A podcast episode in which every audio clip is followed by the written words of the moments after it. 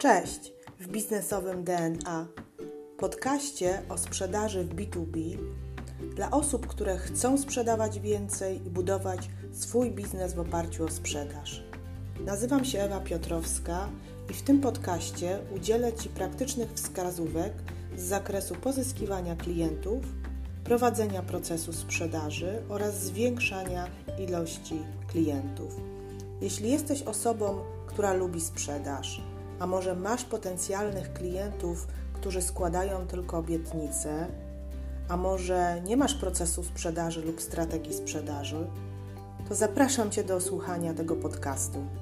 Zaczynamy. Dzień dobry, witajcie kochani w najnowszym odcinku e, podcastu Sprzedaż B2B w praktyce. Witam serdecznie wszystkich, którzy są dzisiaj zainteresowani tematem pozyskania klienta, ale w modelu takim nowoczesnym, y, o którym być może słyszeliście, modelu social sellingu. Witam tym bardziej, że nie jestem sama dzisiaj. Dzisiaj będę rozmawiała z moim gościem i bardzo się cieszę, że y, pan Dariusz Borowski przyjął moje zaproszenie. Pan Dariusz Borowski za chwileczkę sam się przedstawi, natomiast jest współwłaścicielem agencji marketingowej B2B, która specjalizuje się w, w doradztwie w zakresie i sprzedaży, i marketingu, i nowych technologii. Firma nazywa się Business Age i witam serdecznie Panie Darku. Proszę jeszcze dwa słowa powiedzieć o sobie, zanim zaczniemy, zaczniemy rozmowę. E, dzień dobry, witam słuchaczy podcastu. E, dziękuję Pani Ewo za zaproszenie do, do udziału w Pani podcaście. Jest mi niezmiernie miło. E, Pani Ewo, mogę tylko dodać jeszcze z, z, tego, jak Pani przedstawiła mnie, jedną istotną informację, że zajmujemy się wdrożeniem narzędzi marketingowych w życie i to wdrożenie często jest trudniejsze niż samodoradztwo i wymyślanie idei. I to, czym zajmuje się nasza agencja Business Edge, to generowaniem lub wsparciem sprzedaży poprzez marketing i specjalizujemy się tylko w, w obsłudze klientów sprzedających w relacjach B2B. To jest bardzo ważne dla nas tutaj, dla wszystkich słuchaczy podcastu, dlatego że y, ja tutaj właśnie podejmuję tematy sprzedaży B2B, czyli firma y, firma, firma. Zazwyczaj naszymi słuchaczami są osoby, które sprzedają takie usługi dosyć złożone, skomplikowane, tam gdzie proces handlowy trwa długo, więc, y, więc, więc bardzo, bardzo myślę, że będzie przydatny dla wszystkich ten, ten odcinek. Ja właśnie mm, zaprosiłam pana Darka tutaj do podcastu ze względu na tą specjalizację. Mieliśmy okazję gdzieś tam pisać, rozmawiać na temat, y, na temat LinkedIna i możliwości wykorzystania właśnie tego narzędzia, tej platformy w procesie w ogóle sprzedaży, pozyskiwania klientów. No nie wiem, czy można sprzedawać przez LinkedIna, no mi się jeszcze nie udało, ale tutaj właśnie y, myślę, że pan, panie Dariuszu, jako ekspert nam wszystko, wszystko odpowie, bo jednak jednak dzisiaj, no ja mogę powiedzieć z dnia wczorajszego, otrzymałam na LinkedInie chyba z 10 zaproszeń do kontaktów, przyjęłam te zaproszenia od różnych osób, po czym od razu dostałam wiadomość y, z informacją handlową proponującą określony produkt. I z tego, co rozmawiam z moimi znajomymi z branży, nawet z moimi znajomymi, którzy są prezesami firm, do których często docieramy, oni wychodzą z LinkedIna, nie chcą być na tym LinkedInie ze względu na to, że mam wrażenie, że LinkedIn się robi taką książką e, telefoniczną, taką książką ofertową, to bardzo frustruje i to będę chciała też właśnie podpytać i porozmawiać o tym, jak sobie z tym radzić przede wszystkim, ale zanim do tego przejdziemy, mm, to, e, to właśnie jakby temat naszego odcinka brzmi, czy handlowiec, współczesny handlowiec może pozyskać klienta bez użycia telefonu. Właśnie. I teraz pytanie, panie Dariuszu, od czego zacząć, jeśli mówimy, że może, prawda? Myślę, że tak razem potwierdzimy, że jest to możliwe. To od czego zacząć działania na LinkedInie, na platformie LinkedIn? Może najpierw czym jest ta platforma i y, no, jakie pierwsze kroki y, zrobić dla osób, które jeszcze być może nie, e, nie mają swojego konta na tej platformie. O, Panie Ewo, bardzo dużo pytań w jednym pytaniu i, i takie w kolejności może troszeczkę losowej, ale postaram się uszeregować od najważniejszego pytania, od ogółu do szczegółu. Pierwsze, mhm. z naszych doświadczeń i także z Pani doświadczeń tych negatywnych, którymi się Pani teraz podzieliła, do mhm. LinkedIna można podejść w różny sposób. E, można podejść e, tak e, cold sellingowo i niestety nie jest to najlepsza droga. Jest to droga, która nie prowadzi do niczego poza paleniem kontaktów, czyli ta droga mhm. polega na tym, że dodajemy ludzi do znajomych i natychmiast wysyłamy im ofertę. Dzień dobry, nazywam się Dariusz Borowski, tak zauważyłem, że pracujemy na wspólnych, wspólnym rynku i ja mam tu dla pana, pani teraz taką fajną prezentację, zapraszam do kontaktu. Jest to przepis, jak tego nie robić, czyli nie traktować e, LinkedIna jako ogromnej bazy, do której natychmiast możemy wysłać ofertę, licząc, że tam 1, 2 czy 5% stwierdzi, że OK, to jest oferta, której potrzebuję. Tak, nie należy tego robić, po prostu tak nie róbmy. E, mhm. LinkedIna można wykorzystać w mądrzejszy sposób i z LinkedIna można osiągnąć e, korzyści sprzedażowe i to takie, których trudno byłoby nam osiągnąć korzystając z innych metod sprzedażowych. Ale wymaga to zupełnie, zupełnie innego, a przede wszystkim szerszego spojrzenia. LinkedIn nie jest narzędziem, LinkedIn jest tylko narzędziem w szerszej koncepcji. LinkedIn nie jest cudownym cudowną aplikacją, która w jakiś sposób sama z siebie wypluje nam kontakty, dostarczy lidy, które my będziemy mogli, mogli obsługiwać. Potrzebujemy spojrzeć na to inaczej. I teraz, jak to zrobić? Prowadzimy zespoły handlowców już od czterech lat i widzimy handlowców, którzy korzystają skutecznie i generują sprzedaż, i to sprzedaż na rynkach złożonych, na przykład e, na rynku usług czy dóbr przemysłowych, gdzie cykle sprzedażowe są dziewięciomiesięczne na przykład i angażują wiele osób w komitecie zakupowym. I są handlowcy, którzy bardzo dobrze dowożą wyniki, skupiając się tylko na LinkedInie. E, a są handlowcy, którzy poszukują e, swojego pomysłu na LinkedIna, nie, nie są skupieni, stosują trochę cold, cold selling na LinkedInie i, i nie ma tych efektów. Więc jaka jest główna e, różnica, jaka jest ta właściwa receptura? LinkedIn daje nam możliwość budowania marki eksperckiej handlowca. I wydaje mi się, że to jest właśnie kluczem. LinkedIn nie służy do sprzedaży, nie sprzedaży, ale LinkedIn daje nam przestrzeń, daje nam odbiorców do tego, żebyśmy my mogli zbudować swoją pozycję jako ekspert i pokazać się jako ekspert. Mm-hmm, mm-hmm. I teraz naturalnym pytaniem jest, e, jak przejść do sprzedaży. Tak, I to jest... znaczy jak zrobić to nienachalnie, y, jak zrobić to nienachalnie, ale bardziej mi chodzi o to, ile czasu y, budujemy tą markę ekspercką, no bo marka ekspercka to samo przez się mówi, że to się tworzy i buduje się chyba jakieś zaufanie, żeby właśnie zyskać to, po co przyszliśmy, żeby zyskać tą sprzedaż, no bo jednak każdy handlowiec myśli o, y, o, o kliencie i o tym, żeby móc już rozmawiać z klientem o jego potrzebach. To jest tak, że mm, e, Panie Ewo, też jest, y, rozumiem tą celowość, że ktoś wchodzi na LinkedIna i chce sprzedawać. I to jest dobre, no bo handlowcy są po to, żeby dowieść sprzedaż. Ale kiedy zbudujemy markę ekspercką na LinkedInie, zaraz odpowiem, ile to średnio trwa. Kiedy zbudujemy społeczność wokół określonego tematu, istot związanego z naszym produktem, e, to sprzedaż zacznie przychodzić sama i możliwości sprzedażowe zaczną się pojawiać same. E, I przejdziemy z mechanizmu, szukam sprzedaży, do mechanizmu, buduję swoją markę ekspercką, rozwijam ją, umacniam, pomagam moim klientom, ale z racji tego, że pracuję na dużych grupach klienta, klientów, okazje sprzedażowe pojawiają się i ja z nich korzystam. I to jest mhm. trochę sprzedaż przy silnej marce eksperckiej zaczyna do nas przychodzić. I to jest ta istotna transformacja. Więc to skupienie na budowie marki eksperckiej będzie nam towarzyszyć przez długie miesiące.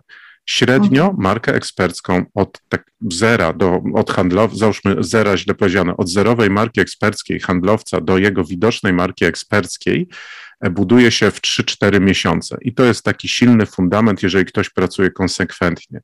Następne kilka miesięcy buduje się społeczność, czyli wchodzi się w relacje, zaprasza się właściwe osoby i nie wysyła się im ofert, ale właściwie się z nimi pracuje, czyli prowadzi się dialog, podpowiada rozwiązania. I gdzieś około po 6-7 miesiącach zaczyna przychodzić sprzedaż. I tutaj mówię o w sposób planowy, zamierzony. Oczywiście sprzedaż pojawi się incydentalnie zapewne wcześniej, ale uśredniając wszystkie nasze doświadczenia, 6 miesięcy to jest taki okres przygotowania marki eksperckiej, zbudowania sobie silnej, zdrowej, wysokiej jakości społeczności i po 6 miesiącach przejście już do wykorzystania możliwości sprzedażowych w sposób zaplanowany i przede wszystkim też ukierunkowany. Mhm. Z tego, co obserwuję też w moim zespole, to y, jakby osoby mają LinkedIna, ale boją się y, napisać coś, czy właśnie stworzyć tą markę ekspercką w sposób taki aktywny, czyli zacząć działać, działać poprzez, rozumiem, że budowa marki eksperckiej to jest publikowanie treści edukacyjnych dla klienta. I teraz jak to powinno wyglądać, y, jak tworzyć te treści, jak, y, jak właśnie budować tą markę ekspercką? Ja wiem, że mamy bardzo mało czasu i to jest temat rzeka, ale y, widzę, że z tym jest problem. Właśnie od razu handlowcy chcieliby tak, jakby założyć konto, może napisać jakieś dwa, dwa posty i przejść już właśnie do akcji pod tytułem namówić prezesa czy, czy grupę swoją docelową na spotkanie z tym danym klientem. Więc jak to zrobić, żeby też y, dać sobie czas, ale też to zrobić mądrze? E, myślę, że tutaj e, przede wszystkim dać sobie czas. Powiedzieć sobie, że przez pierwsze 3-4 miesiące nie sprzedaję na LinkedInie. Mhm. E, tylko inwestuję swój czas, godzinę dziennie po to, żeby budować swoją pozycję i budować sieć kontaktów i nie podejmuję aktywnej sprzedaży, nie proponuję, nie wysyłam oferty. Myślę, że takie założenie da nam bezpieczeństwo, że nie popełnimy błędów właśnie tej agresywnej, nachalnej sprzedaży, która pali te naj, najlepsze kontakty. I teraz jak szukać treści? Tą odpowiedź dają nam klienci. Przypomnijmy sobie, o co nasi klienci nas pytali najczęściej. O co nas pytają na spotkaniu, co ich martwi, co ich interesuje, jakie korzyści szukają, jakie obawy mają. Te pytania są najlepszymi pomysłami na posty. Czyli jeżeli klient szuka możliwości, na przykład e, zwiększenia bezpieczeństwa w logistyce, bo obawia się, nie wiem, pików handlowych przed ważniejszymi świętami czy, czy punktami sprzedażowymi w kalendarzu, to wtedy podzielmy się swoją wiedzą i jak przygotować się do obsługi logistycznej e, takich pików handlowych, jeżeli oczywiście zajmujemy się i oferujemy gdzieś logistykę, ale nie mówmy o produkcie. Podzielmy się swoją wiedzą, jak należy to zrobić. Być może jest to kwestia planowania, wyprzedzenia, jakiejś optymalizacji. Czyli w mhm. podsumowaniu posłuchajmy o to, o, posłuchajmy pytań klienta i odpowiedzmy na nie w naszych postach. I odpowiedzmy z intencją nie sprzedaży, ale pomocy. Co oznacza pomoc? Wyjaśnienie, podpowiedź, pomoc w podjęciu dobrej decyzji, pomoc w wyjaśnieniu różnic między alternatywnymi rozwiązaniami. I nie sprzedajmy, pomagajmy. I ostatnia podpowiedź, która może uprościć pisanie postów, i szczególnie tych pierwszych. E, jeden post, jedna myśl, jedna idea piszmy prosto, nie komplikujmy treści. Zacznijmy naprawdę od prostych postów. Jeżeli opisujemy na przykład wspomniane piki logistyczne, e, wyzwania, piki sprzedażowe i wyzwania logistyczne za nimi idące, skupmy się tylko na, na jednej myśli, czyli na przykład na optymalizacji logistyki w pikach sprzedażowych albo na właściwych wielkościach opakowań, albo na planowaniu. Jedna myśl, jeden post. I takie właśnie małe kawałeczki łatwiej nam jest przygotować niż duże. I teraz kilka słów o języku. Stosujmy język prosty, niewyszukany, tak jak komunikujemy się na spotkaniach. Niektórym pomaga nagrywanie na dyktafon tego swojej wypowiedzi i przepisywanie jej na post. Innym pomaga na przykład pisanie maila do fikcyjnego klienta w odpowiedzi na fikcyjne zapytanie, na przykład E, panie, panie Jarosławie, proszę mi podpowiedzieć, jak mogę przygotować się do pików sprzeda- obsługi pików sprzedażowych w, w swojej logistyce. Jakiego maila byśmy wtedy napisali? Jaką radę byśmy udzielili? I to jest właśnie ta treść, której potrzebujemy. Stosujmy krótkie mhm. zdania, bez nadmiaru przymiotników, ozdobników, skupiające się na jednej myśli. Więc jeżeli mógłbym dać przepis, to w podsumowaniu zapytaj, e, posłuchajmy i przypomnijmy sobie, o co pyta klient. To są tematy dla naszych postów. Opiszmy, e, o, odpowiedzmy klientowi w poście, starając się być bardzo pomocnym, wyjaśniając, nie sprzedając. Trzy, stosujmy prosty, naturalny dla nas język, bez ozdobników, bez przerysowania. Mm -hmm, A y, jeszcze mam takie pytanie, jak firma jest większa i i mamy tutaj do dyspozycji dział i marketingu, i sprzedaży, i dział operacji, to kto powinien pisać te posty? Czy to jakby właśnie sam handlowiec wymyśla na podstawie obiekcji czy zapytań klienta, czy jednak y, powinien posiłkować się jakimiś materiałami, czy też wypowiedziami na przykład z marketingu? Jak, jak to się praktykuje w innych firmach? Może tutaj Pan się podzielić. Taki. Widzę dwie praktyki na rynku. E, widzę praktykę, e, dział marketingu albo agencja pisze posty, a dział handlowy je publikuje. I to jest praktyka A. A widzę praktykę też B, trudniejszą. Handlowcy wiedzą, co chcą napisać, bo oni są na pierwszej linii ognia, oni rozmawiają z klientem, oni prowadzą rozmowy, oni znają słownictwo, a agencja pomaga im na przykład zredagować post, czy, czy zilustrować, czy dział marketingu. I teraz, jakie są wady i zalety tych metod? Metoda A, kiedy dział marketingu pisze posty, jest metodą przyjemną dla handlowca. On dostaje treści, które publikuje. Niestety, rzadko kiedy ona prowadzi do, na koniec dnia do sprzedaży. Ostatnio miałem mhm. rozmowę z klientem, e, też z branży usług profesjonalnych, który powiedział, Panie Darku, no my tak robiliśmy przez dwa lata i nagle po dwóch latach zdałem sobie sprawę, że, że ta nasza agencja to fajne chłopaki, fajnie się z nimi rozmawia, spędza czas, wszystko jest takie kreatywne, ale od dwóch lat ja wydaję, e, płacę faktury, a sprzedaży z tego nie ma. Coś jest z tym nie tak i co jest nie mhm. tak. I nie tak jest to, że agencja czy ekspert z zewnątrz nigdy nie będzie w stanie napisać tak dobrego, tak precyzyjnego i tak eksperckiego postu, jak handlowiec, który posiada tą wiedzę i jest w relacji z klientem. Drugi powód jest taki, że e, w budowie marki eksperckiej, poprzez dzielenie się swoją wiedzą, poprzez pisanie, chodzi też autentyczność. Czyli ten język, wiedza powinna być nasza, a nie gdzieś tam skopiowana z zewnątrz. Trzeci powód, klienci na LinkedInie, odbiorcy są już wyrobieni i oni czują też, która wiadomość jest zbyt gładka, zbyt marketingowa, a która rzeczywiście jest prawdziwa. I oni potrzebują, klienci, prawdziwych, rzetelnych, uczciwych i wiarygodnych ekspertów, a nie marketingowe e, tuby nadające treści. I teraz e, podejście B, o którym mówiłem, czyli zaprzeczenie ghostwritingu, handlowiec sam pisze treści, jest podejściem zdecydowanie trudniejszym, ale posługując się prostą logiką postów, prostym podejściem do postów nawet zauważamy, bo prowadzimy różnych handlowców, że handlowcy są w stanie napisać teksty na poziomie lepszym, merytorycznie, dużo lepszym niż copywriter i, od, i stylistycznie wystarczająco dobrym, żeby je opublikować. Więc to jest, e, myślę, trudniejsza droga, ale ta droga prowadzi do efektów. I dowodem na to jest, że ci handlowcy, którzy odnoszą najlepsze efekty w prowadzonych przez nas programach, szybko dochodzą do takiego punktu, gdzie mówią: Słuchajcie, fajnie, że tutaj rozmawiamy, ale ja dokładnie wiem, co chcę napisać, wiem, do kogo chcę napisać, wiem, kiedy chcę to opublikować. To, co od Was potrzebuję, to ewentualnie przeredagowania, sprawdzanie poprawności językowej i zilustrowania, może obrobienia jakiejś grafiki, ale ja wiem, co ja chcę napisać i to muszą być moje słowa, bo później klient to czyta i może się zapytać, dlaczego ja na przykład opisałem dane zdarzenie, dlaczego taką informację przytoczyłem. Ja muszę to wiedzieć.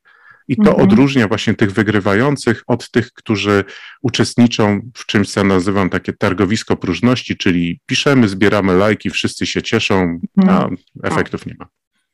Tak, y, będziemy powolutku kończyć. Jeszcze mam takie ostatnie pytanie, bo mi przychodzi do głowy. Po tych trzech, czterech miesiącach budowania y, marki osobistej, jak to jest z Pana doświadczenia? To klient faktycznie y, odezwie się, czy to wtedy warto pisać do klienta, bo on już będzie gdzieś tam miał to poczucie, że widział, widział jakby te posty, widzi, że my jakby potrafimy, znamy się na temacie i że faktycznie jesteśmy tym ekspertem. W którą stronę tak z doświadczenia idzie ta, ta, komunikacja, ten kontakt? Czy to od klienta do nas, czy to my jednak do klienta, no bo to nam zależy na, e, na, na zaproponowaniu mu e, jakichś rozwiązań? Mogę powiedzieć, że idzie w obu kierunkach. Firmy, osoby, które mają już, e, załóżmy, wypracowaną, nawet średnią pozycję eksperta, są widoczne na LinkedInie, dostają, są odnajdywane przez klientów, którzy szukają w tym momencie rozwiązań. I to stanowi 30-40% sprzedaży. Są to konkretne zapytania na zasadzie, Panie Dawidzie, widziałem, że Pan mhm. zajmuje się taką i taką tematyką. Tak się składa, że my szukamy podobnego rozwiązania. Porozmawiajmy. I to jest, widzimy dziesiątki takich wiadomości w zespołach, które prowadzimy handlowcy dzielą się z tymi sukcesami, mówią: Zobaczcie, o, odnalazła mnie taka osoba, o, odnalazła mnie taka osoba dzięki temu, co napisałem o tym i o tym. I tak jak mówię, to jest około 40%. 60% jest to sprzedaż, którą inicjują handlowcy. Ale co ważne, nie robią tego na głównym wallu, na, na LinkedInie. Oni w oparciu o swoją markę ekspercką, w oparciu o swoje relacje, składają propozycję klientowi, ale ta propozycja jest precyzyjna. Czyli jeżeli skupiają się na logistyce i mają swoje sieci kontaktów, osoby odpowiedzialną za logistykę, e, osoby odpowiedzialne za logistykę, konkretne firmy, znają te firmy, czują, jakie są tam problemy albo wyzwania, wiedzą, jak z tego mogą skorzystać, inicjują tą rozmowę nie na zasadzie tu jest moja broszurka, czy tu jest moja prezentacja, spotkajmy się, tylko mm, na przykład piszą wiadomość. Panie Marku, widziałem, że Państwa firma ostatnio wchodzi na ten rynek. Rozmawialiśmy na LinkedInie też o kwestiach właśnie wyzwań y, obsługi pików logistycznych i mhm. chciałbym do tej rozmowy nawiązać, bo wydaje mi się, że, że jest nowe rozwiązanie, o którym możemy porozmawiać albo mamy ciekawe spostrzeżenie i wtedy ta sprzedaż ma charakter ekspercki. Pan Marek rozpoznaje w handlowcu eksperta, z którym rozmawiam na LinkedInie i nie traktuje tej sprzedaży jako sprzedaży, tylko jako rozmowę ekspercką, jako radę ekspercką, z którą handlowiec czy już ekspert przyszedł do niego. Więc tu także jest ta transformacja, że sprzedaż ma charakter propozycji eksperckiej, zaproszenia do rozmów nad wypracowaniem jakiegoś rozwiązania jest to trochę wbrew naszej intuicji i to instynktowi sprzedawcy sprzedać, wysłać ofertę i umówić się na spotkanie. Wymaga mhm. to troszeczkę więcej przygotowań, ale dzięki temu możemy inicjować sprzedaż celowaną, czyli do konkretnej firmy. Możemy inicjować tą sprzedaż na wysokim poziomie e, organizacji albo w kilku miejscach w organizacji, czyli do zakupowca, do dyrektora logistyki i do dyrektora finansowego. Czyli w podsumowaniu, marka ekspercka daje dwa źródła sprzedaży. Pierwsze, sprzedaż przychodząca, stanowiąca mniej więcej 40% według naszych doświadczeń sprzedaży, czyli klient nas odnajduje, bo zajmujemy się jakimś tematem i jesteśmy ekspertami, a nie sprzedawcami na LinkedInie. I 60% jest to sprzedaż, gdzie drzwi nam się otwierają dzięki temu, że mamy relacje, jesteśmy ekspertami i wchodzimy w rozmowę nie jako sprzedawca, tylko jako ekspert. Mhm. Bardzo dziękuję. Y, powiem szczerze, że mieliśmy ograniczony czas a y, udało się praktycznie odpowiedzieć na wszystkie pytania. Trochę się obawiałam, także tym bardziej bardzo szybko oczywiście. Te pytania jeszcze się rodzą w mojej głowie, ale jakby mając na uwadze właśnie to, że, że, chcieliśmy rozmawiać przez około 20 minut, to będziemy, będziemy kończyć. Jeśli zostawiliśmy jakiś niedosyt, jeśli tutaj pan Darek y, zainteresował Was i macie więcej pytań, tak jak ja, i chcielibyście jeszcze może posłuchać w kolejnym odcinku albo skontaktować się bezpośrednio, to ja też podlinkuję pod y, tym odcinkiem, podam tutaj linki do strony, a także do LinkedIna można się skontaktować lub poprosić o kolejny jakiś odcinek. Będziemy czekać tutaj na feedback, na komentarze, na informację zwrotną. Dziękuję bardzo Panie Dariuszu za, y, za rozmowę. Y, no super, naprawdę bardzo mi się rozmawiało. No i życzę, życzę udanego dnia i, i wszystkiego dobrego. Dziękuję Pani Ewo za zaproszenie jeszcze raz. Dziękuję słuchaczom. E, zapraszam do do kontaktu. Organizuję webinary, gdzie tłumaczę o tym, jak budować swoją pozycję na, na LinkedInie. Nie wiem, kiedy Pani podcast, Pani Ewo, zostanie wyemitowany, ale myślę, że to no, nasze wydarzenia są cyklicznymi. Mhm. Zapraszam serdecznie. Też służę pomocą, podpowiedzią. Jeżeli są jakieś pytania, napiszcie do mnie na LinkedInie Dariusz Borowski, chętnie odpowiem. E, I życzę wszystkim powodzenia na LinkedInie, życzę zbudowania silnych marek. Podchodząc do tego z głową, naprawdę można odnieść e, istotne korzyści e, sprzedażowe. Nie sprzedawajmy nachalnie. Z taką myślą chciałbym Was zostawić i do usłyszenia, do zobaczenia na LinkedInie, w podcastach, w webinarach. Dziękujemy i pozdrawiamy. Miłego dnia.